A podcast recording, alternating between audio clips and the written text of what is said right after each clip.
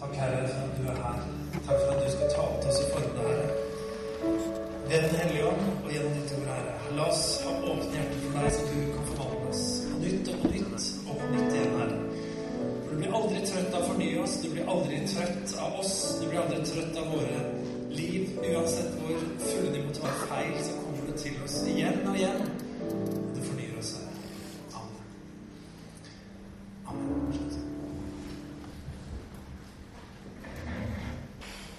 Gud er her i formiddag.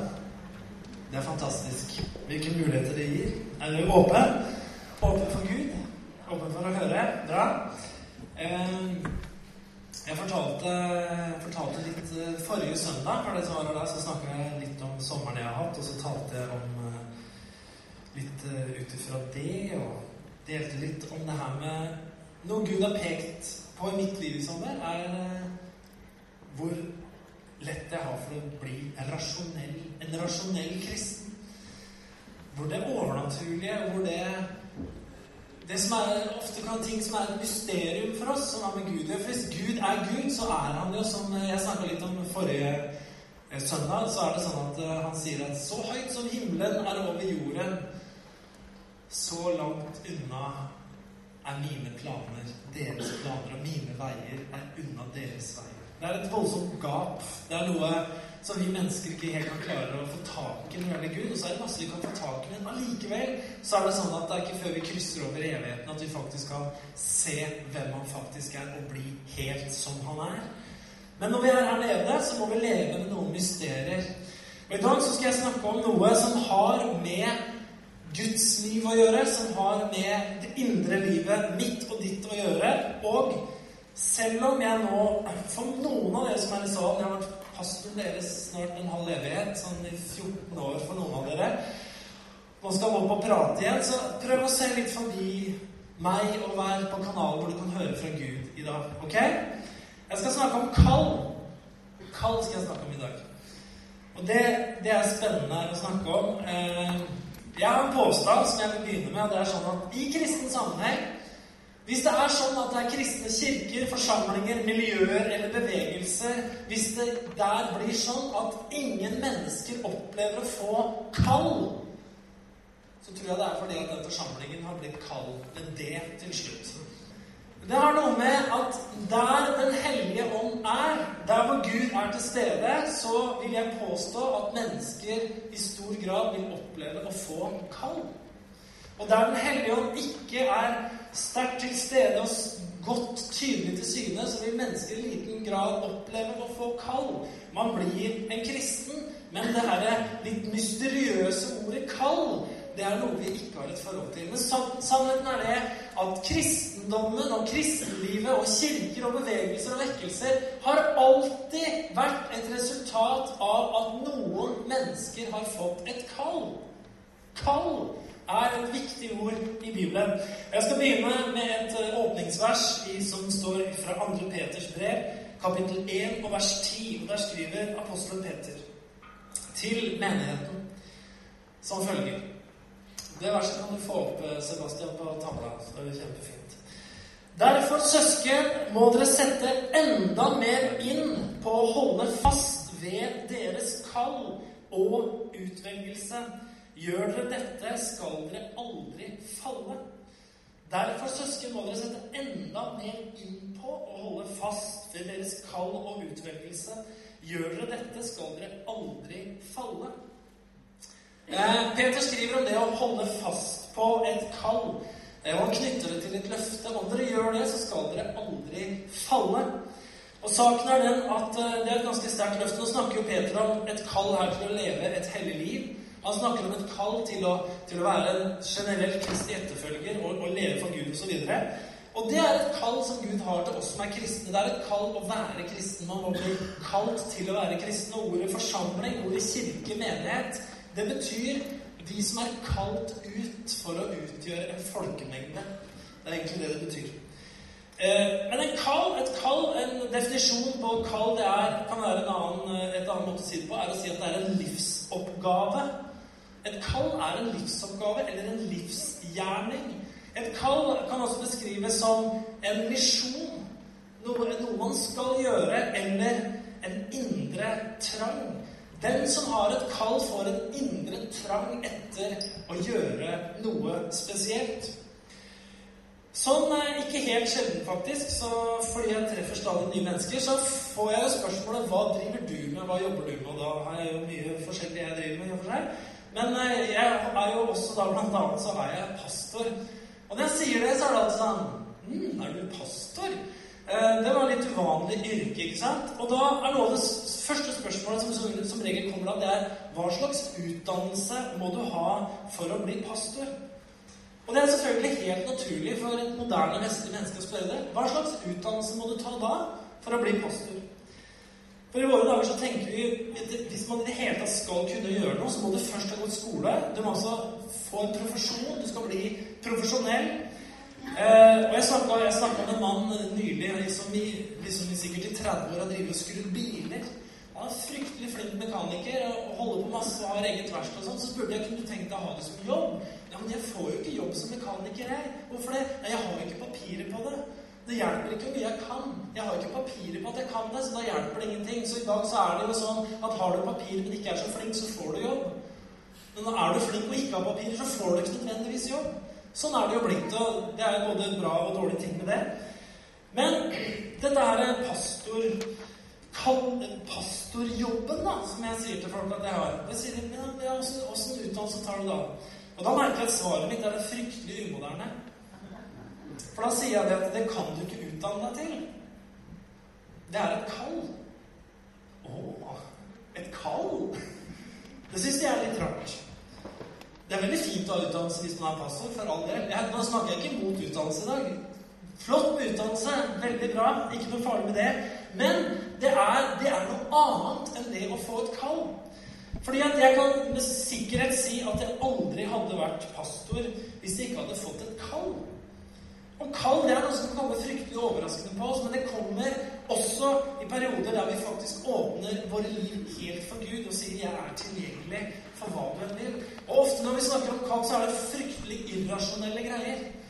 Det er liksom ikke noe som kanskje har gått sånn helt A4-veien. Det kommer veldig personlig. Min opplevelse var det at jeg var et par og tjue år gammel. Jeg hadde hatt en uh, lykkelig barndom. Nå er mine foreldre i salen her. må si det. Jeg har lykkelig, jeg tuller ikke nå. Hatt en veldig lykkelig barndom. Hatt en lykkelig ungdomstid. Få bekymringer. Jeg bare måtte rydde skuffene mine sånn en gang i året men sånn på rommet. Hadde det veldig bra. Eh, hadde hatt det gøy, hadde mange venner, hadde mange kamerater. Hadde kule biler, og jeg syns jeg hadde det veldig bra.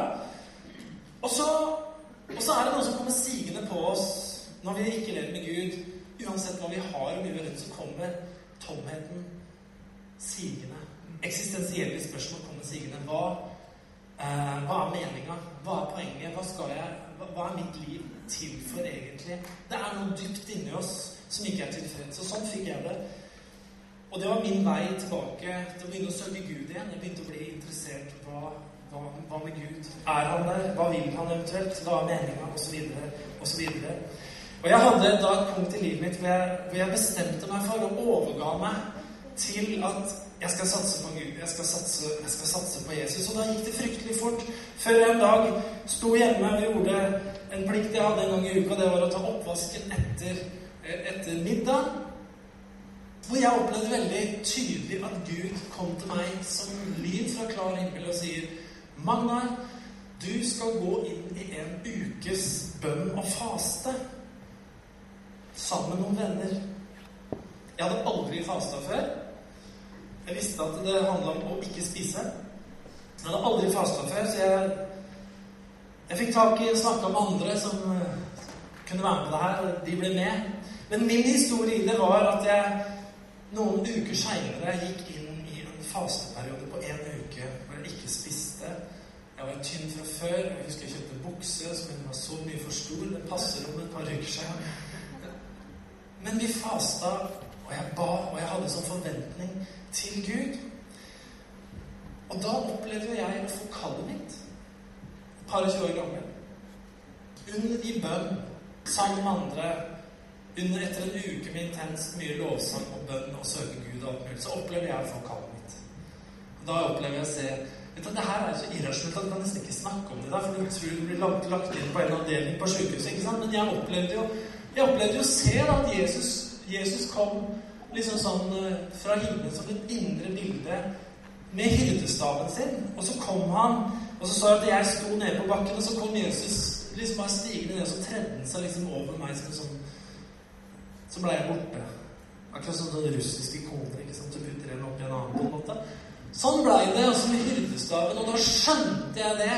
At Magnar, jeg vil at du skal bli hyrde. Jeg vil at du skal bli pastor.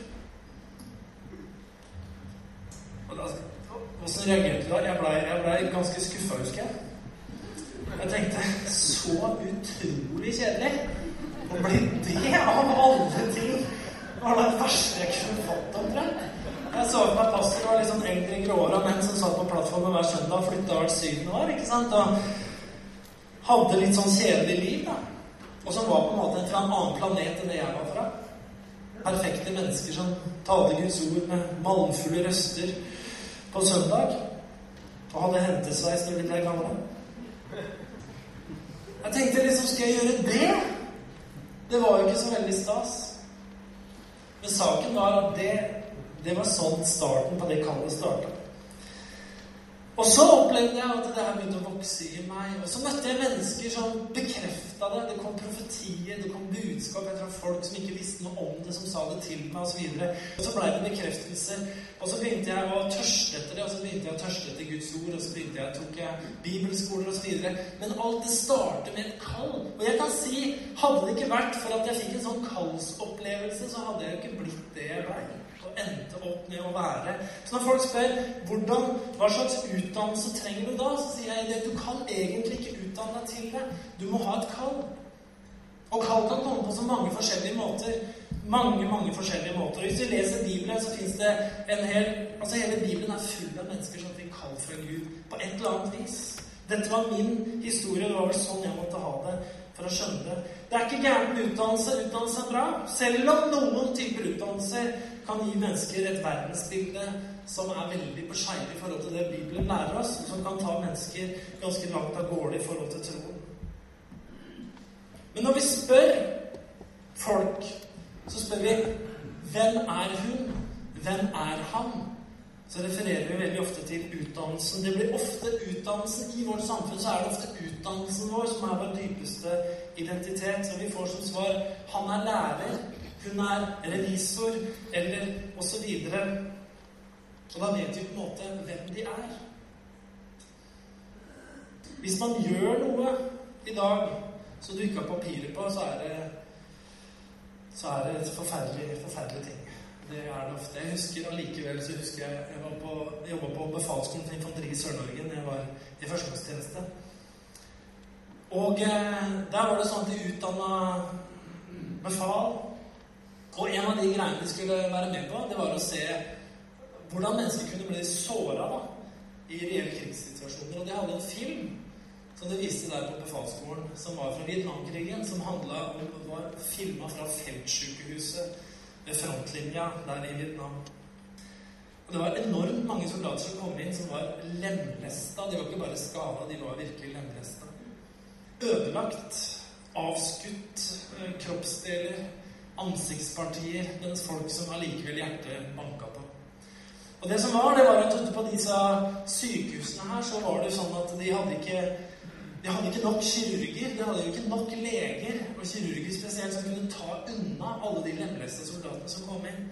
Så det som skjedde, var jo at mange av disse menige soldatene, som egentlig var der bare for å hjelpe til og liksom hente ting og, og være sånne assistenter rundt, de endte jo opp med etter hvert å se så mye av det som skjedde, så mange operasjoner osv., at de endte jo med at de måtte begynne å operere, de også.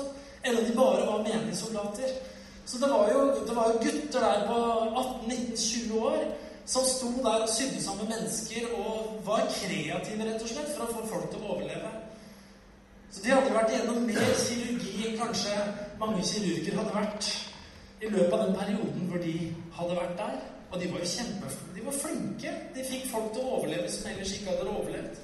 Uten at de hadde stått og sydd dem sammen, lappa dem sammen og gjort masse kreative greier. Det var en ganske sterk film. Men når de kom hjem, så var det selvfølgelig ubrukelige. De hadde jo ikke papir på det. Og sånn må det selvfølgelig ideelt sett. Ideelt sett så må det jo være sånn. Allikevel så har jeg tenkt litt på hva det kan gjøre med oss som kristne. At vi lever i den type utdannelsessamfunn som vi gjør. Det er jo sånn at eh, Før i tida så var det jo universitetene.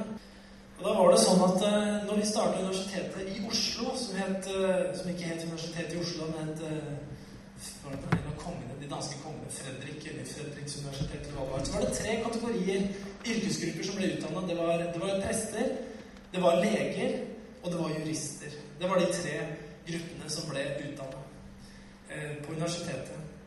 Og veldig mange ganger tidligere så var det flere yrker som var knytta til kall lærere. Han, en som har greie på det, som skrev en kronikk om det her.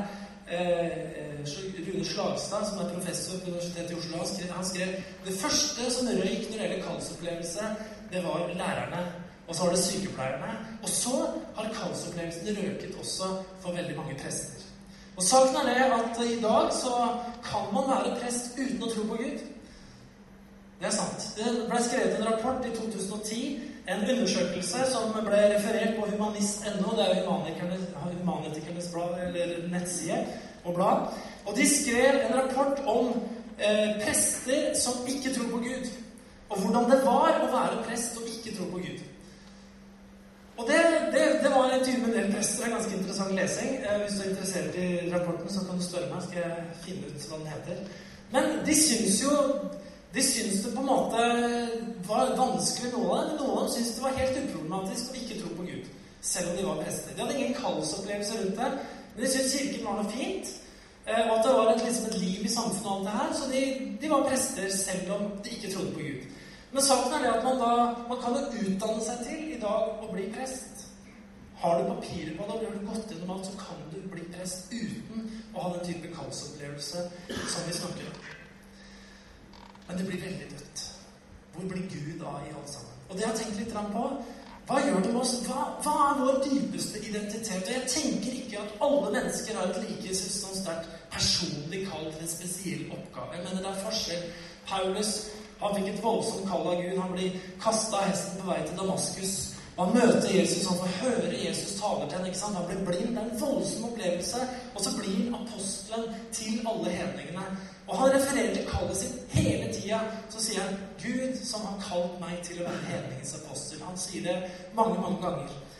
Men jeg lurer likevel på om det kan gjøre noe med oss og identiteten vår som kristne og spørre er vi åpne for det irrasjonelle, for den kallsopplevelsen. Det å si til Gud uansett hva jeg er, hva jeg har gjort, hvilken utdannelse jeg har osv., så, videre, så vil jeg åpne meg for deg og høre fra deg. Og så tror jeg ofte at det her kan gå hånd i hånd selvfølgelig med den utdannelsen vi har, og kall osv. Det fins masse eksempler på det gjennom historien.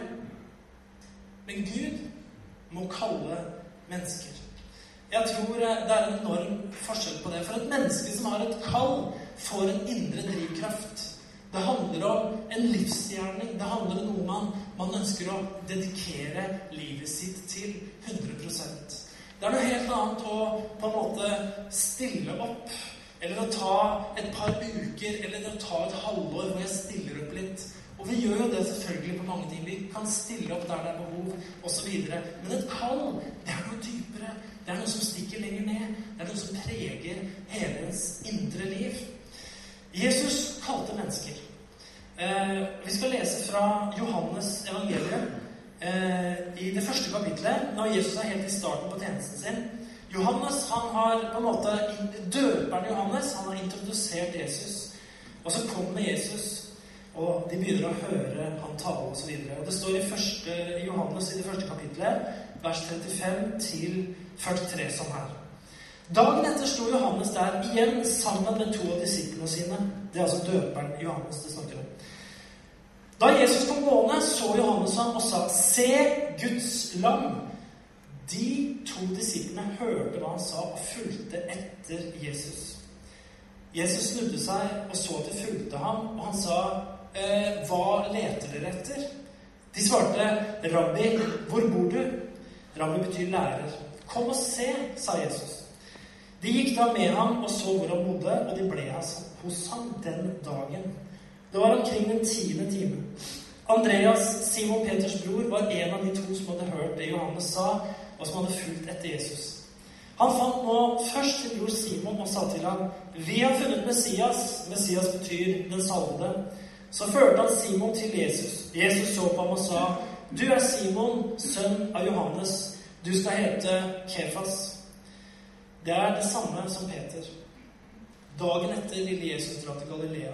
Da fant han Philip og sa til ham, 'Følg meg.' Og så videre. Og Philip han kommer til å følge etter Jesus. Det her er Jesus som er helt i starten av sin tjeneste. Han eh, blir introdusert egentlig av døperne han seg selv. Der er Guds lam. Han som bærer verdens synd. Og jeg tenker meg det her med til kall. Det første er, som disse her, de fatter interesse for Jesus. Se der. Der er Guds lam. De hører det her, og de blir interessert. Hm. Guds lam. Det kjente jødene til. Guds lam som ble slakta, som jødene hadde gjort i 2000 år, som de hadde slakta påskelam osv. Der er Guds lam. De ble nysgjerrige. De kommer etter Jesus, og de, vil gjerne vite litt mer om ham. Jesus stiller dem et eh, litt sånn merkelig spørsmål. De kommer etter Jesus og spør hva er det dere ser etter, eh, egentlig? Det var liksom ikke noe sånn begeistring. Så fint at dere følger etter meg. eller noe sånt. Ikke i det hele tatt. Eh, hva leter dere etter?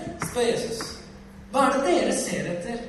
Og Det tror jeg er et spørsmål som han stiller til oss også. Når vi begynner å nærme oss han, så spør kanskje Jesus hva er det du ser etter? Hva leter du etter? Hva er du ute etter? Hvorfor, hvorfor har du blitt interessert i meg? Hva er motivet ditt? Hva, hvorfor følger du etter meg, egentlig? Og så spør de, og så sier de, Rabbi, eh, hvor bor du? Og jeg føler det er litt sånn spørsmål som små barn spør hverandre i gata, egentlig. Guttene mine er ute i gata på syklene sine, og når de starter, så kommer de hjem med noen nye gutter og sier 'Ja, jeg har fått noen nye venner i dag'. 'Ja, hvor bor du, da?' spør de da. 'Ja, bli med igjen da. Skal se på lekene mine og trampolina mi og alt det her', ikke sant? Og det er litt sånn derre Det er ikke alltid De spurte liksom for å være med hjem. Og det er ikke alltid vi voksne gjør, merker jeg. Sånn, hvis du treffer noen sånn første gang begynner å følge etter litt, sånn stalker ut av butikken da. Ja, hva er du etter? Ute etter hva er det du vil? Eh, bare lurer på hvor, eh, hvor bor du? Litt, creepy, liksom. Jeg hadde i hvert fall følt det litt sånn. Eh, men det var helt klart at de, de ble så interessert i Jesus. De ville bli bedre kjent med Jesus. De var attrahert. De ble veldig nysgjerrige. Og Jesus, han sier, 'Kom og se'. Han inviterer dem. Og de ble med ham. Og det står at de ble hos Jesus den dagen. Og Der tenker jeg dette er starten på kallet. De fant en interesse for Jesus. Jesus lurer på hva vil dere egentlig. De sier egentlig vi vil, vi vil bli bedre kjent med deg. Det er det alle kan starte med. Jeg ønsker å bli bedre kjent med Jesus. De hadde ikke vært det, det, var andre som hørte akkurat det samme. Det var absolutt ikke alle som hadde lyst til å bli mer kjent med Jesus. Det er greit med Jesus, han er Guds lam og noe greier, men ok, so what? Jeg er ikke interessert i hvor han bor. Men disse her, de ville bli bedre kjent med Jesus. Så de blir med han hjem. Og i løpet av den samtalen så skjønner de at de har funnet han, Messias.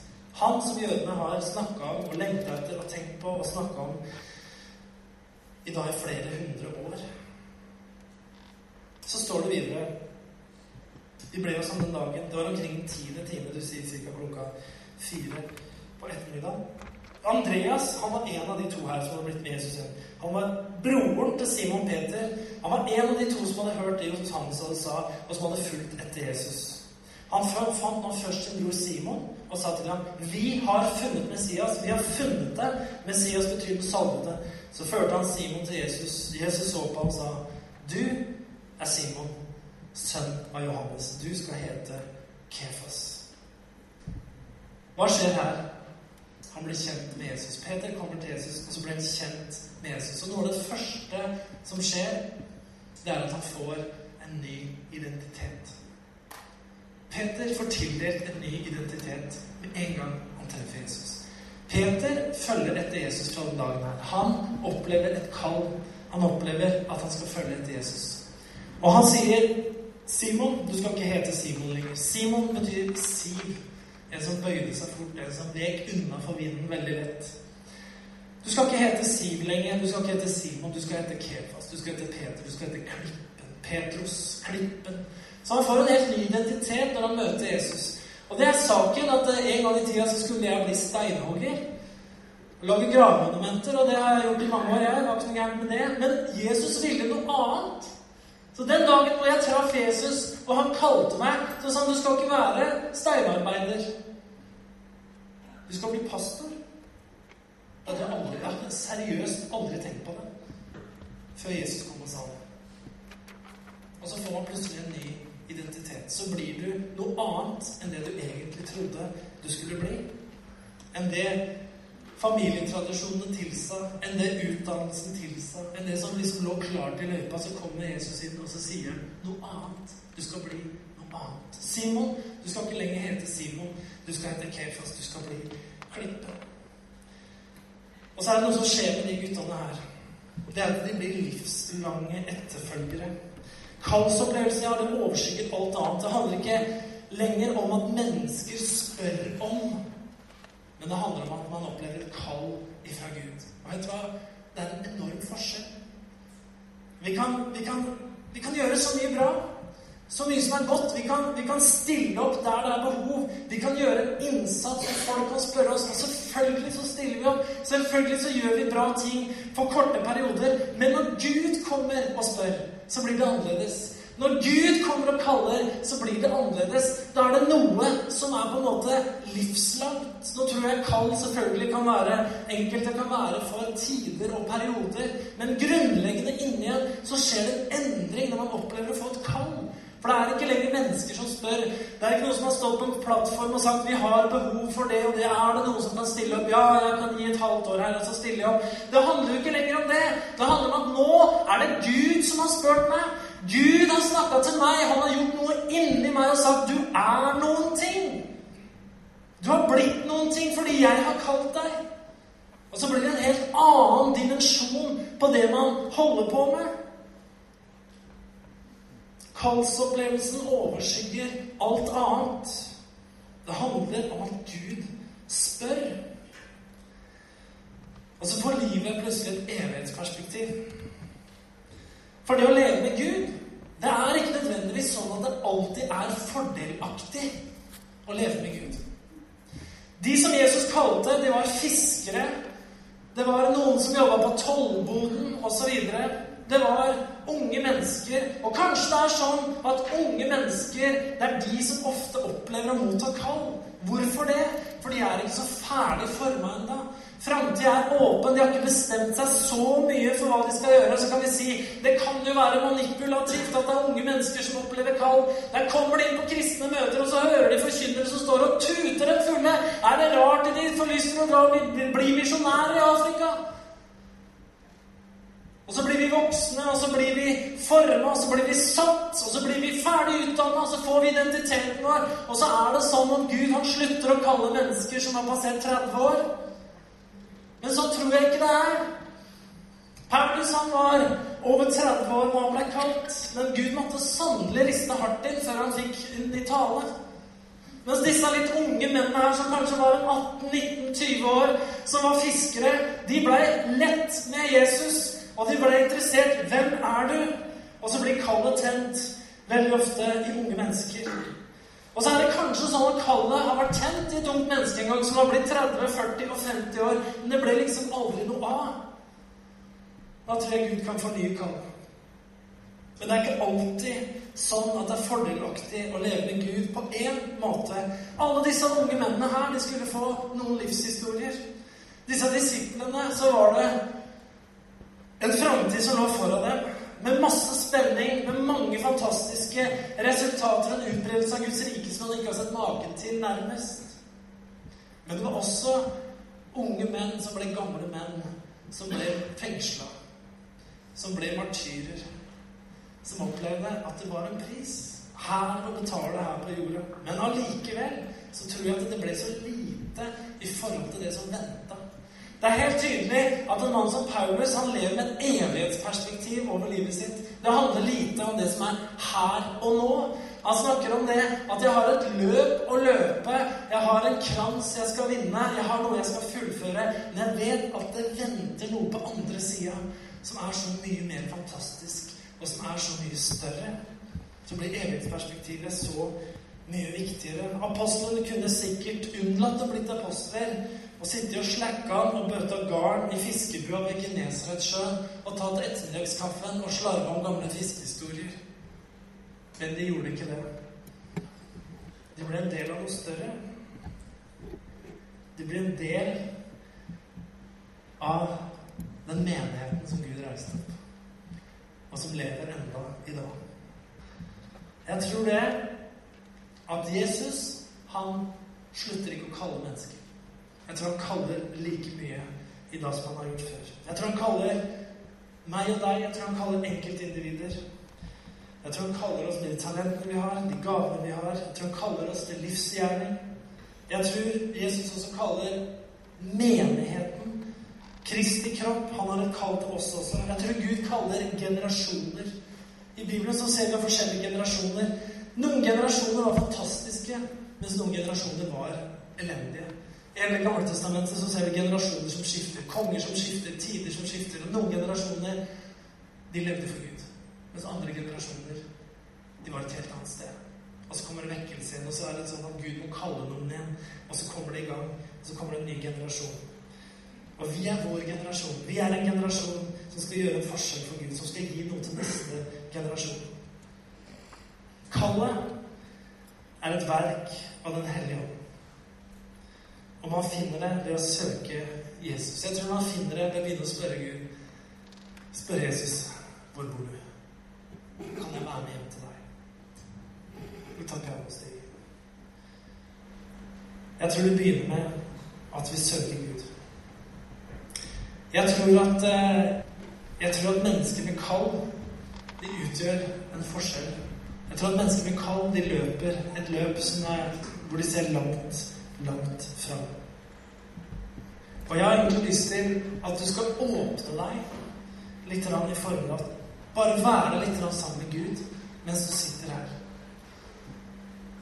Gud, Jesus, hvor bor du? Jeg har lyst til å bli kjent med deg. Kanskje i formiddag også.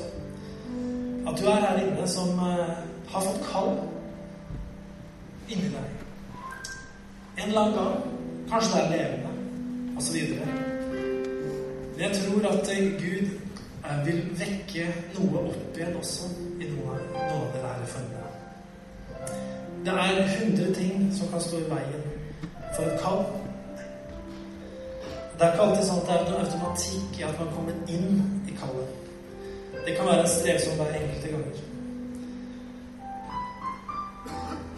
Men Herre, vi takker deg vi takker deg i deg, Herre, for at du er her. Takk, Herre Far i himmelen, for at du kommer til oss på andre måter enn det verden rundt oss kommer til oss på, Herre. Takk for at du kommer til oss ved Den hellige ånd. Takk for at du kommer til oss og taler inni hjertene våre, innerst inni oss, Herre. Så danner du oss, Herre. Og Herre Jesus, Takk for at du, du, bryr deg så mye om oss, og du bryr deg så mye om den verden som vi er en del av. At du, du kommer til oss, og du kaller oss. Du sier noe om livet vårt, Herre. Hvem vi er, hva vi skal gjøre, hva vi skal være for andre, Herre. Og at jeg takker deg, Jesus, for denne formiddagen, at du er her, midt iblant oss. At vi kan komme til deg være mer interesserte, Herre. Bare ha hørt noe på distanse, men at vi også kan stille spørsmålet hvor bor du? Kan vi bli med deg hjem? Kan vi få høre litt mer? Det er det første kallet, Herre, som du vekker i vårt hjerte. Det er å bli med deg igjen. Det er å sette oss ned sammen med deg. Herre, så takker jeg deg for ny identitet, Herre. For det er mennesker her inne som har en identitet, men som du egentlig har sagt noe om, Herre, som skal ha en annen identitet. Som har andre gaver, som har andre talenter som har andre muligheter i deg, Herre. Og jeg ber, Herre, i formiddag at du vekker det opp